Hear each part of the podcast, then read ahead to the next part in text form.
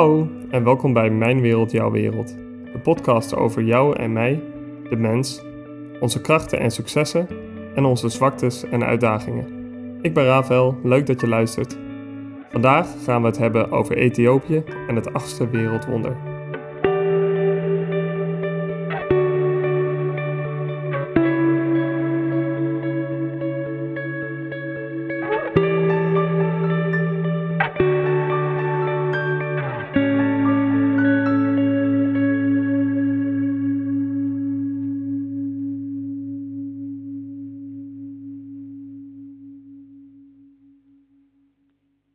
Zo rond het jaar 1520 bezocht Pater Alvarez, een medewerker van de Portugese ambassade, als een van de eerste Westelingen het stadje Lalibela in Noord-Ethiopië. Na zijn bezoek schrijft hij in zijn reislogboek de volgende woorden: Ik durf niet goed meer van deze werken te beschrijven, omdat ik denk dat ze me niet zullen geloven als ik meer schrijf, en omdat mensen me van leugens zullen beschuldigen om wat ik al geschreven heb. En daarom zweer ik bij God in wiens macht ik ben, dat alles in waarheid is opgeschreven. En er is veel meer dan wat ik nu heb opgeschreven, maar ik heb het niet opgeschreven, zodat ze mij niet beschuldigen dat het onwaar is. Bijna 500 jaar later, in 2012, was ik zelf in Ethiopië en liep ik door Lalibela. En ik had hetzelfde gevoel als Pater Alvarez. Een ervaring die zo groot voelt dat elk woord wat je daarover spreekt tekortschiet. Nadat ik terugkwam in Nederland heb ik verschillende keren iets over Lalibela geprobeerd op te schrijven. In liedjes en in tekst. Maar hoe vind je ooit de woorden om iets te omschrijven waarvan je sprakeloos bent geworden? Alles is in de prullenbak verdwenen omdat niets van wat ik opschreef voor mijn gevoel goed genoeg was om te verwoorden wat ik in Lalibela zag en de indruk die dat op me maakte. En ook terwijl ik deze aflevering schreef en nu ik dit uitspreek, weet ik dat de beschrijving die ik hier maak voor mij nooit goed genoeg gaat zijn voor de ervaring die ik daar had.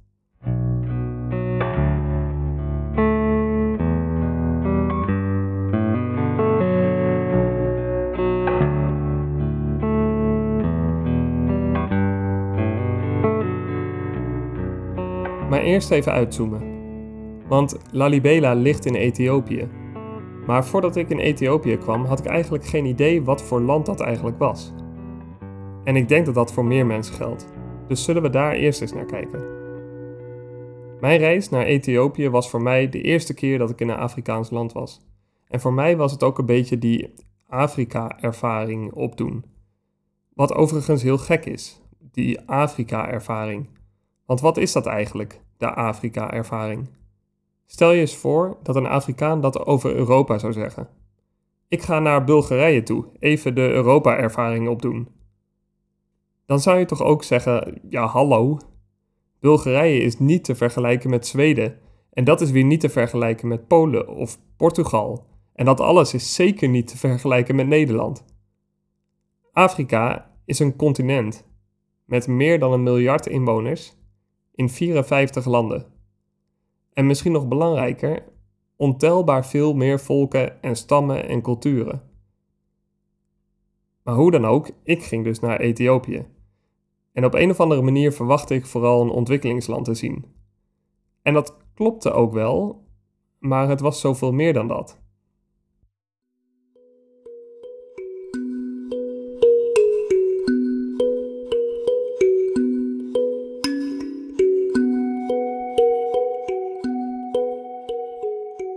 Ethiopië ligt in Oost-Afrika, bij de Hoorn van Afrika. En het heeft een oppervlakte van ruim een miljoen vierkante kilometer. Ter vergelijking, Nederland heeft een oppervlakte van ruim 41.000 kilometer.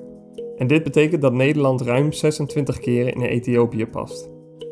Er wonen ongeveer 110 miljoen mensen.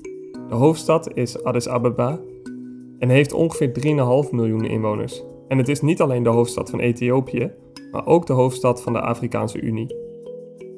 Ethiopië is landlocked, wat betekent dat het in zijn geheel omsloten wordt door andere landen. En het grenst aan zes andere landen: Sudan, Zuid-Soedan, Kenia, Somalië, Djibouti en Eritrea. Het bestaat voor een groot deel uit het Ethiopische hoogland. En dat is belangrijk, want hoewel Ethiopië vlak bij de Evenaar ligt, is het door deze hoogvlakte een erg vruchtbaar land. Ethiopië heeft samen met Marokko en Zuid-Afrika ook de meeste UNESCO Werelderfgoedsites van heel Afrika. Het land staat bekend als een land van vele volken. Er leven ongeveer 80 verschillende volken en de stammen in het zuiden van het land zijn wereldberoemd om hun klederdracht, sieraden, kapsels en gebruiken, die per stam verschillen. De grootste volken in het land zijn de Oromo, de Amharen en de Tigreërs. Ethiopië staat ook bekend om de natuur en in het land zijn 14 nationale parken te vinden. In die nationale parken vind je onder andere leeuwen, nijlpaarden, luipaarden, olifanten, zebra's en hyena's. En verder vind je er watervallen, vulkanen, bergen, zoutmeren en warmwaterbronnen. Dus als je op zoek bent naar die Afrika-ervaring, dan zit het wel goed. In het noorden van Ethiopië ligt een gebied, de Afar-driehoek, dat bekend is omdat er ontzettend veel fossielen zijn gevonden van vroege mensachtigen. En onder andere het skelet van Lucy is hier gevonden, een vroege mensachtige van meer dan een half miljoen jaar oud. En daarmee is dit gebied ook een van de bronnen van de menselijke evolutie. Het is een paleontologische schatkamer. Onze soort, de mens, is waarschijnlijk in dit gebied ontstaan. Ethiopië is een land in beweging, in ontwikkeling. En dat voel je als je er bent. Het is een democratisch land en het ontwikkelt. En er is zeker armoede. Volgens een rapport van de Verenigde Naties leefde er in 2012 26% van de Ethiopiërs onder de armoedegrens. En dat is natuurlijk verschrikkelijk. Maar het getal daalt wel, want 12 jaar eerder lag dat percentage nog rond de 55%. Tegelijkertijd stijgt het bruto binnenlands product en verbetert de gezondheidszorg. In de periode van 2000 tot 2016 is de levensverwachting gestegen van 52 jaar naar 65 jaar. Tegelijkertijd is het sterftecijfer voor kinderen onder de 5 jaar in dezelfde periode flink gedaald. Er is heel veel landbouw in Ethiopië, maar langzamerhand komt de industrie meer en meer op gang en neemt dit een grotere plek in in de economie. Mensen trekken van het platteland naar de stad en er is dus sprake van verstedelijking. En dat is een positieve ontwikkeling voor de economie. Die tegenstelling tussen platteland en stad en arm en rijk, die zie je ook veel in het land. Je kan mensen in hutjes van klei met een paar geiten tegenkomen in ongerepte natuur. Maar je hebt net zo goed miljoenen steden met luxe hotels en winkelcentra. En dit vind ik altijd heel vreemd om mee te maken. Want die directe tegenstelling is natuurlijk ongemakkelijk en, en, en gewoon confronterend. Maar het is ook een teken van ontwikkeling. En de ontwikkeling is natuurlijk heel mooi. Maar feit blijft dat er ongelooflijk veel armoede is en het land in die zin nog een lange weg te gaan heeft. Nog iets anders. Ethiopië is ook ongeveer het enige Afrikaanse land dat altijd onafhankelijk is gebleven en niet als kolonie in handen van de westerse overheersers is gevallen. En dat is op zichzelf interessant en het is ook nog een boeiend verhaal. Want in 1895 sloot de keizer van Ethiopië een verdrag met Italië over territoriale controle. En dit was in de tijd van de wedloop om Afrika. Een periode waarin een aantal Europese landen probeerden om zoveel mogelijk van Afrika onder hun heerschappij te brengen. Dat verdrag dat werd gesloten tussen Ethiopië en Italië en het was tweetalig.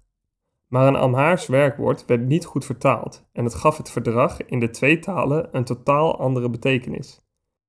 In de Amhaarse versie kreeg keizer Menelik van Ethiopië behoorlijke zelfbeschikking, terwijl Ethiopië in de Italiaanse versie feitelijk een kolonie van Italië werd. En je hoeft niet heel lang na te denken om te raden wat er gebeurde. Er kwam oorlog. En die duurde tot 1896. En uiteindelijk werden de Italianen verslagen en dus behield Ethiopië zijn onafhankelijkheid.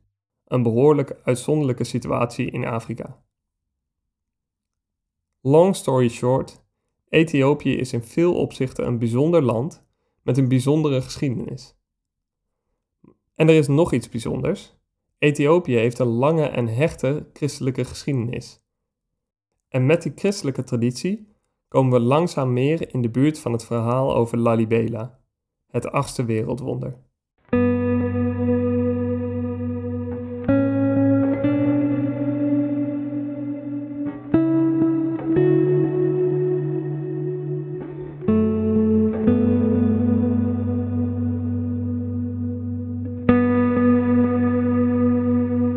Ethiopië heeft niet zomaar een hechte christelijke geschiedenis. Het heeft vooral ook een hele lange christelijke geschiedenis. Sterker nog, die geschiedenis is zo lang dat Ethiopië in de Bijbel wordt genoemd. In het Nieuwe Testament, in het Bijbelboek Handelingen. En hier staat een verhaal van vlak na de opstanding van Jezus. En het verhaal gaat over Filippus, een van de leerlingen van Jezus. En het gaat als volgt. Een engel van de Heer zei tegen Filippus: Ga naar de middag naar de verlaten weg van Jeruzalem naar Gaza. Filippus deed wat hem gezegd werd en ging naar die weg toe. Daar kwam hij een Ethiopiër tegen, een eunuch, een hoge ambtenaar van de Kandake, de koningin van Ethiopië, die belast was met het beheer van haar schatkist. Die beste meneer was dus niet zomaar een Ethiopiër, hij was een soort minister van Financiën. Hij was in Jeruzalem geweest om daar God te aanbidden en zat nu op de terugweg in zijn reiswagen de profeet Jesaja te lezen. De geest zei tegen Filippus, ga naar die man toe, daar in de wagen. Filippus haastte zich naar hem toe en hoorde hem de profeet Jesaja lezen, waarop hij vroeg, begrijpt u ook wat u leest? De Ethiopiër antwoordde, hoe zou dat kunnen, als niemand mij uitleg geeft? Hij nodigde Filippus uit om in te stappen en bij hem te komen zitten.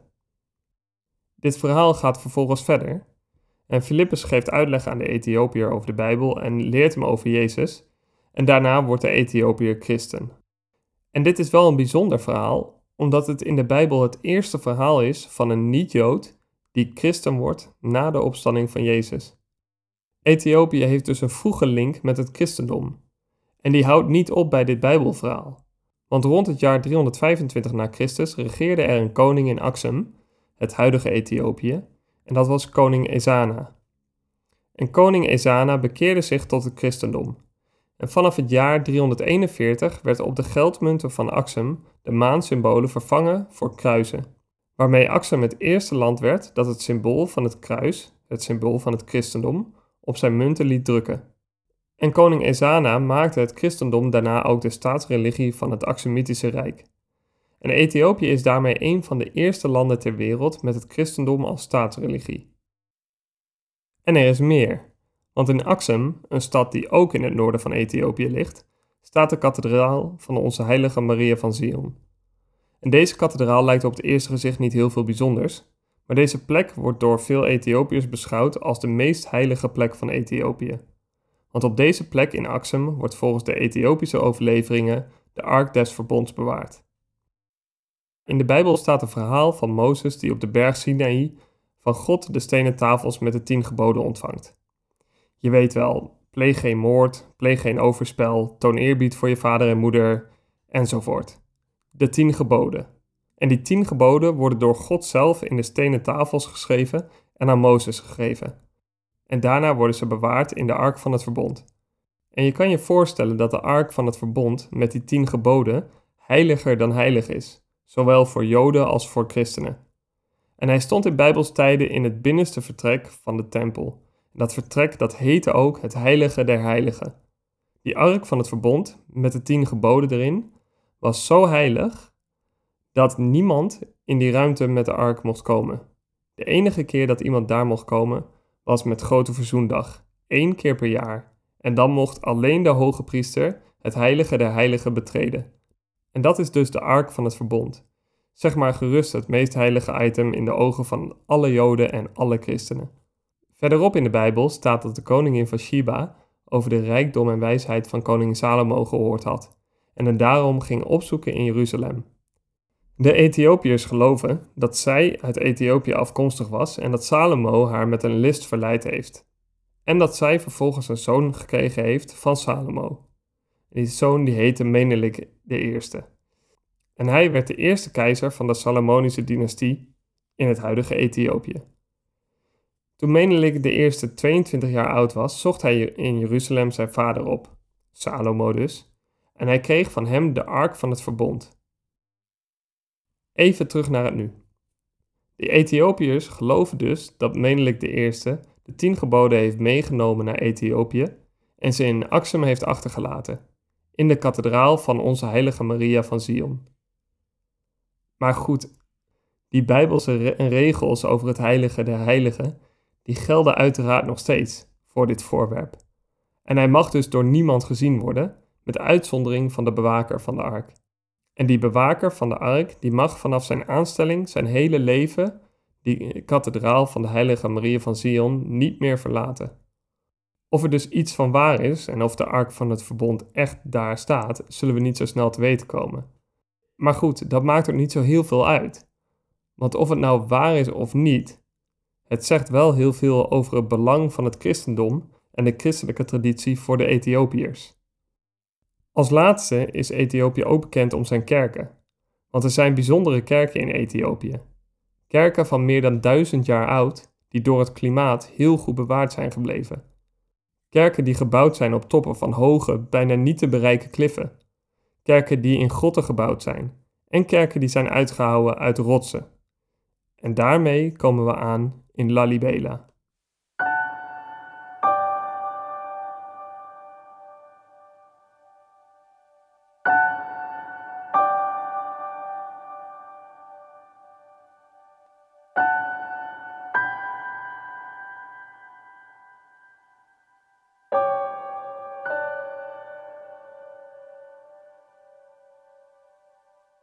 Lalibela is een klein stadje in het noorden van Ethiopië. Het heeft ongeveer 15.000 inwoners en het ligt afgelegen. Heel erg afgelegen. Als je erheen wilt, dan moet je vliegen vanuit de hoofdstad Addis Ababa, ongeveer een uurtje vliegen.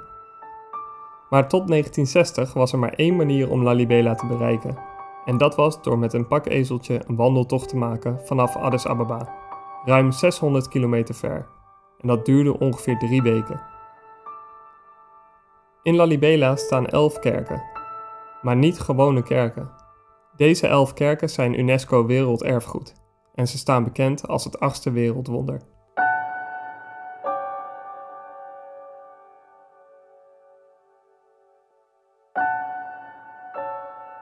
Het stadje Lalibela heette eerder Roa. Het was de hoofdstad van het rijk van de Zakwe-dynastie, die er regeerde van ongeveer 900 tot 1200 na Christus. De latere naam, Lalibela, heeft het stadje te danken aan een koning die er regeerde van 1181 tot 1221. Een koning uit die Zakwe-dynastie. Het verhaal is dat er bij zijn geboorte een zwerm bijen was die hem omringde. En zijn moeder herkende dit als een teken van een toekomstig koningschap.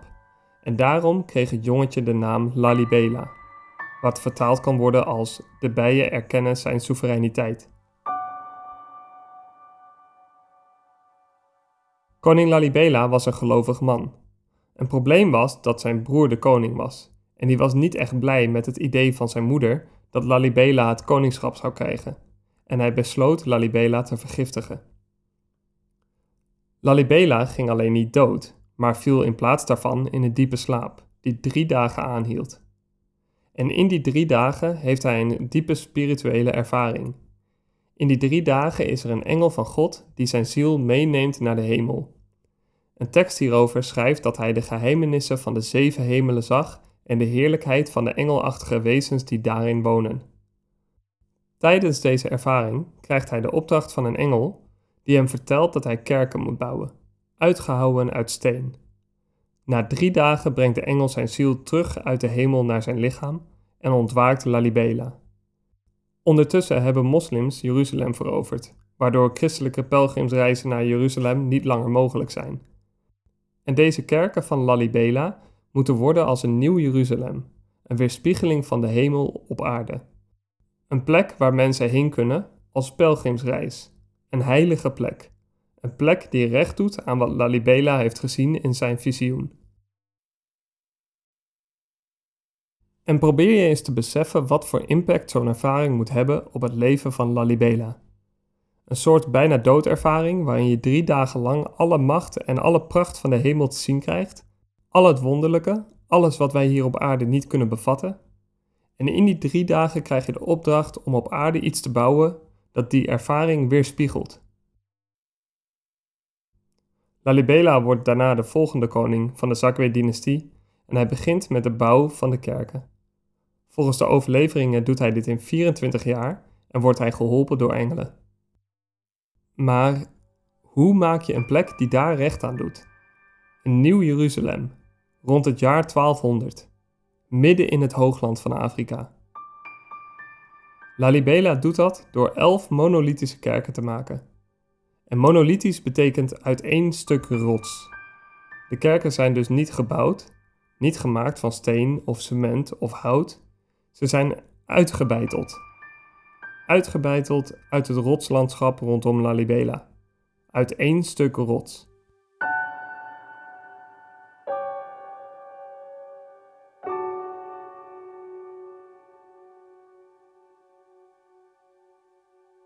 En hier kom ik op een stukje wat gewoon bijna niet uit te leggen is. Omdat je het gewoon moet zien met je eigen ogen. Maar ik wil je toch uitdagen om iets te begrijpen van wat hier is gebeurd. Probeer het je eens voor te stellen wat voor soort project dit moet zijn geweest. Stel je voor dat je een beeld maakt van een mens, op ware grootte, uitgehakt uit één stuk steen, alleen met een hamer en een bijtel zonder elektrisch gereedschap. Er is geen ruimte om fouten te maken, omdat je geen dingen eraan vast kan maken. Je kan er niks bij opzetten, je kunt niks herstellen. Als je een fout maakt, begin je opnieuw. Als je de neus net niet goed hebt gemaakt of er breekt een stukje af, begin je opnieuw. Je kan alleen steen weghakken en alles moet in één keer goed.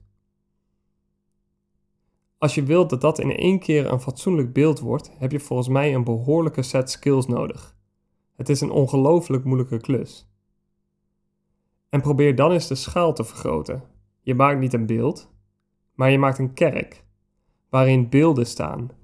En met muren, versieringen, deuren, ramen, trappen, vlieringen, zuilen. Alles uit één stuk steen. Je maakt er letterlijk niks aan vast. Hoe ziet dat eruit? Je begint met hakken van een groot gat, bijvoorbeeld 30 bij 30 meter, uit een rots, 12 meter diep. Alleen dat al. Maar goed, dat is nog niet eens het begin. In het midden van het grote gat laat je een stuk rots staan in de vorm van een kerk. Daarin maak je relief en versieringen door stukken eromheen weg te hakken. En dan moet je de binnenkant uithouden. Dus je hakt jezelf naar binnen. En dat gat dat je gemaakt hebt, dat wordt ook meteen je deur. Want je kan het gat niet achteraf dichtmaken. En denk dan eens na hoe je binnenin alles uithakt, waarbij alles foutloos moet. In de muren zitten versierde ramen, ook uitgehakt. Als je een raam maakt, moet je dus van binnenuit naar een eind hakken. Maar hoe weet je dat je aan het eind bent? Een soort binnenste buiten beeld houden. En hoe meer ik hierover nadenk, hoe meer ik erachter kom dat dit echt een onmogelijk werk is. Het is, het is gewoon gekke werk. Zelfs als je dat nu zou doen met moderne technieken, dan nog is het gekke werk. Laat staan in de 13e eeuw, midden in het hoogland van Ethiopië. Zelfs als dit je zou lukken voor één kerk, is het een prestatie van wereldformaat. Maar in Lalibela staat niet één kerk, er staan er elf, met sterk verschillende architectuur tussen verschillende kerken, waarbij ook nog gangen zijn uitgehouden van de ene kerk naar de andere kerk en extra gangen met symbolische betekenissen en extra gebouwen en bouwwerken met symbolische betekenissen. Het is, als je daar staat, het is gewoon niet te bevatten. Een van de kerken heet Bet Georgis, het huis van de heilige George. Meestal vallen bekende kerken op omdat ze hoog uitsteken boven hun omgeving maar hier is het anders. Als je naar Bet Georgis loopt, dan zie je helemaal niks. Je loopt gewoon door het rotslandschap van Ethiopië, tot je vlakbij bent. Je loopt over de rotsgrond en opeens is er een gigantisch gat, ongeveer 30 bij 30 meter, perfect vierkant, ongeveer 12 meter diep. Met in het midden een kerk in de vorm van een kruis, 12 bij 12 meter en 12 meter hoog. Het plafond reikt tot het niveau van je voeten als je op de rotsgrond naast de kerk staat. Uitgebeiteld uit de rots die daar is weggebeiteld. De kerk is uit één stuk. Alles. De muren, de ramen, de deuren, de plafondversieringen, het dak, de kolommen, de bogen, het interieur. Alles. Uit één stuk. Er is letterlijk niks aan vastgemaakt. Het is één stuk steen. En vanaf de kerk lopen gangen de rotsen in, en één gang loopt naar een groep van vijf andere kerken. de zuidelijke groep. En hier staat ook Bet Emmanuel, het huis van Emmanuel. Deze kerk wordt gezien als de meest bijzondere in de architectuur, met ontzettend veel versieringen, relief en diepte aan de buitenkant. Niet eraan vastgemaakt, maar weggebeiteld. En vanaf Bet Emmanuel loop je langs nog vier kerken in de zuidelijke groep. Allemaal verschillend van ontwerp en architectuur en allemaal volledig uitgehouden uit de rotsen. Vanaf de zuidelijke groep loopt een tunnel naar de noordelijke groep, met nog eens vijf kerken. En een van deze kerken is Bet Medhamalem, het huis van de redder van de wereld. En dit is waarschijnlijk de grootste uit de rots uitgehouwen kerk ter wereld. 24 bij 34 meter en 12 meter hoog. De kerk heeft wat weg van een Griekse tempel, met aan de buitenkant 34 zuilen die het dak ondersteunen. En binnenin de kerk zitten nog eens 38 zuilen, allemaal uitgehouwen. In totaal 72 zuilen, die staan voor de 72 oervolken die door God zijn geschapen, waaruit alle volken en alle mensen zijn ontstaan. De eenheid van de mens. Toen ik daar liep, viel het me op dat een pilaar in het midden bedekt was met een doek. En dit is de ambt, het symbool van de eenheid van het geloof. De priesters van de kerk leggen uit dat Jezus Christus zelf de pilaar aanraakte toen hij aan koningin Lalibela verscheen in een van zijn visioenen. En sindsdien staan het verleden en de toekomst van de wereld op deze pilaar geschreven. Maar omdat de mens te zwak is om de door God geopenbaarde waarheid te verdragen, is de pilaar sindsdien bedekt. Lalibela zit vol met dit soort verhalen. Verhalen van openbaringen van God aan koning Lalibela. Verhalen van de pelgrims die sinds lange tijd van heine en verre komen om te sterven in Lalibela en een graf te krijgen vlak bij de kerken. Verhalen van de grond in Lalibela die genezende kracht zou hebben. Verhalen van onze gids die vertelde hoe hij als jongetje verstoppertje speelde in de geheime gangen die door het stelsel lopen. Oneindig veel verhalen over cultuur, vriendschap, geloof, verbondenheid, over het leven.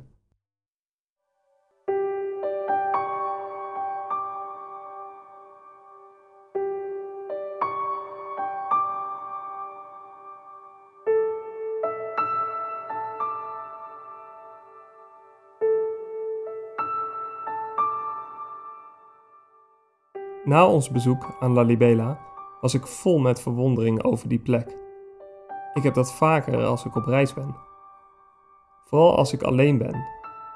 En ik weet nog dat ik ooit in Akko was, in het noorden van Israël, en dat ik daar gewoon een dag lang op een oude stadsmuur aan zee heb gezeten. Gewoon omdat ik er niet genoeg van kon krijgen. Omdat mijn gedachten rondspinden over hoe groot de zee is en over al dat leven onder water over hoe oud die muur was waar ik op zat en dat iemand die ruim duizend jaar geleden had gebouwd. En dus op een of andere manier mijn leven hier met het leven van iemand duizend jaar geleden kruist. Ik kan soms overweldigd raken met dat soort gedachten. Van die kleine gedachten die opeens een hele grote lading krijgen. Ik heb dat ook vaak als ik ergens ben waar mensen boven zichzelf uitgestegen zijn. Of waar mensen iets groots hebben bereikt omdat ze iets deden voor iets dat groter was dan zijzelf. Lalibela is zo'n plek, waar mensen geloofden in iets dat groter was dan zijzelf. En toen ik door Lalibela liep, kon ik alleen maar denken: hoe dan? Hoe kunnen mensen dit ooit maken? En hoe kan het hier, in the middle of nowhere? Wat drijft mensen om zo het uiterste van hun kunnen op te zoeken om iets te maken? En daar zit natuurlijk iets in van als je het maar belangrijk genoeg vindt, als het maar belangrijk genoeg voor je is, als iets echt belangrijk genoeg voor je is, dan kan je boven jezelf uitstijgen om het te bereiken. Op een of andere manier hebben wij de neiging om te gaan waar we niet eerder zijn geweest. Om te maken wat onmogelijk lijkt. Om verder te gaan dan onze verbeelding. En van daaruit, ja, wat vind ik dan echt belangrijk? Wat zijn de dingen in mijn leven die ik belangrijk vind? En ben ik bereid om daarvoor alles te geven? Als ik ga waar ik niet eerder geweest ben, of doe wat ik voor onmogelijk hield, wat houdt dat dan in? Hoe ziet boven jezelf uitstijgen er voor mij uit? Het mooie als je in een andere cultuur duikt, is dat je erachter komt dat als mensen heel anders leven dan jij, dat dat niet per se beter of slechter is. Dat maakt mij altijd bewust van mezelf. Waarom leef ik eigenlijk zoals ik leef? En wat is echt belangrijk? Hoe laat ik me beïnvloeden door de wereld? dit werd duidelijk toen ik terugkwam na een langere periode in Italië. En eenmaal terug in Nederland had ik een behoorlijke cultuurshock. De wereld was niet veranderd, maar de wereld had mij veranderd. Ik was veranderd omdat ik meer van de wereld had gezien. En hetzelfde overkwam me in Lalibela. Mijn bezoek aan die stad heeft mij veranderd. Weet je, ik heb het afgelopen jaar veel nagedacht over wie ik wil zijn en wat ik doe en waarom ik de dingen doe die ik doe. Ik heb een personal mission statement geschreven, een soort van samenvatting van mijn kernwaarden en de dingen die ik belangrijk vind in mijn leven, als een soort gids bij de keuzes die ik maak. En af en toe pak ik mijn mission statement erbij en dan check ik of mijn wandel nog klopt met de waarden die ik heb opgeschreven. En een van de dingen die ik daarin heb opgeschreven is dat ik dingen wil doen met het oog op wat ik nalaat. En dat is voor mij de waarde van dit soort reizen. Zien dat leven ook op een andere manier kan en dat het ook zijn waarde heeft. Ervaren dat boven jezelf uitstijgen op zoveel manieren vorm kan krijgen in jezelf. Die plekken zien waar mensen boven zichzelf uitgestegen zijn. Waar ze hebben gewerkt voor iets dat groter was dan zijzelf. Die iets deden omdat ze iets wilden nalaten. De kerken in Lalibela zijn nog steeds in gebruik. En jaarlijks komen duizenden pelgrims naar Lalibela om hun geloof te beleiden. En juist ook door dat gebruik zijn een aantal van de kerken in zeer bedreigde staat. En UNESCO doet nu zijn best om de kerk te bewaren en te herstellen. Maar eerlijk gezegd vind ik dat verval juist ook wel mooi, want die kerken zijn gemaakt met een doel. En dat doel is niet om daar mooi te wezen en niet toegankelijk te zijn, maar om pelgrims een unieke ervaring te geven, om iets van de hemel op aarde te laten zien en te zorgen dat reizigers die terugkomen uit Lalibela anders naar de wereld kijken. Niet omdat de wereld is veranderd, maar omdat de wereld hen veranderd heeft.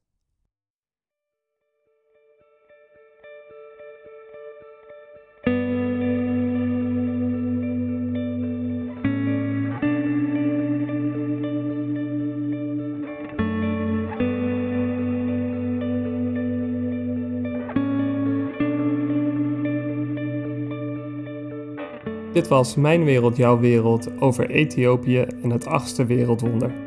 Bedankt voor het luisteren. Als je dit een leuke aflevering vond, deel het dan met je vrienden en familie. Heb je een idee voor een toekomstig onderwerp of wil je gewoon even hallo zeggen? Mail me dan via podcastmijnwereldjouwwereld.gmail.com Leuk dat je luisterde en hopelijk tot ziens bij de volgende aflevering.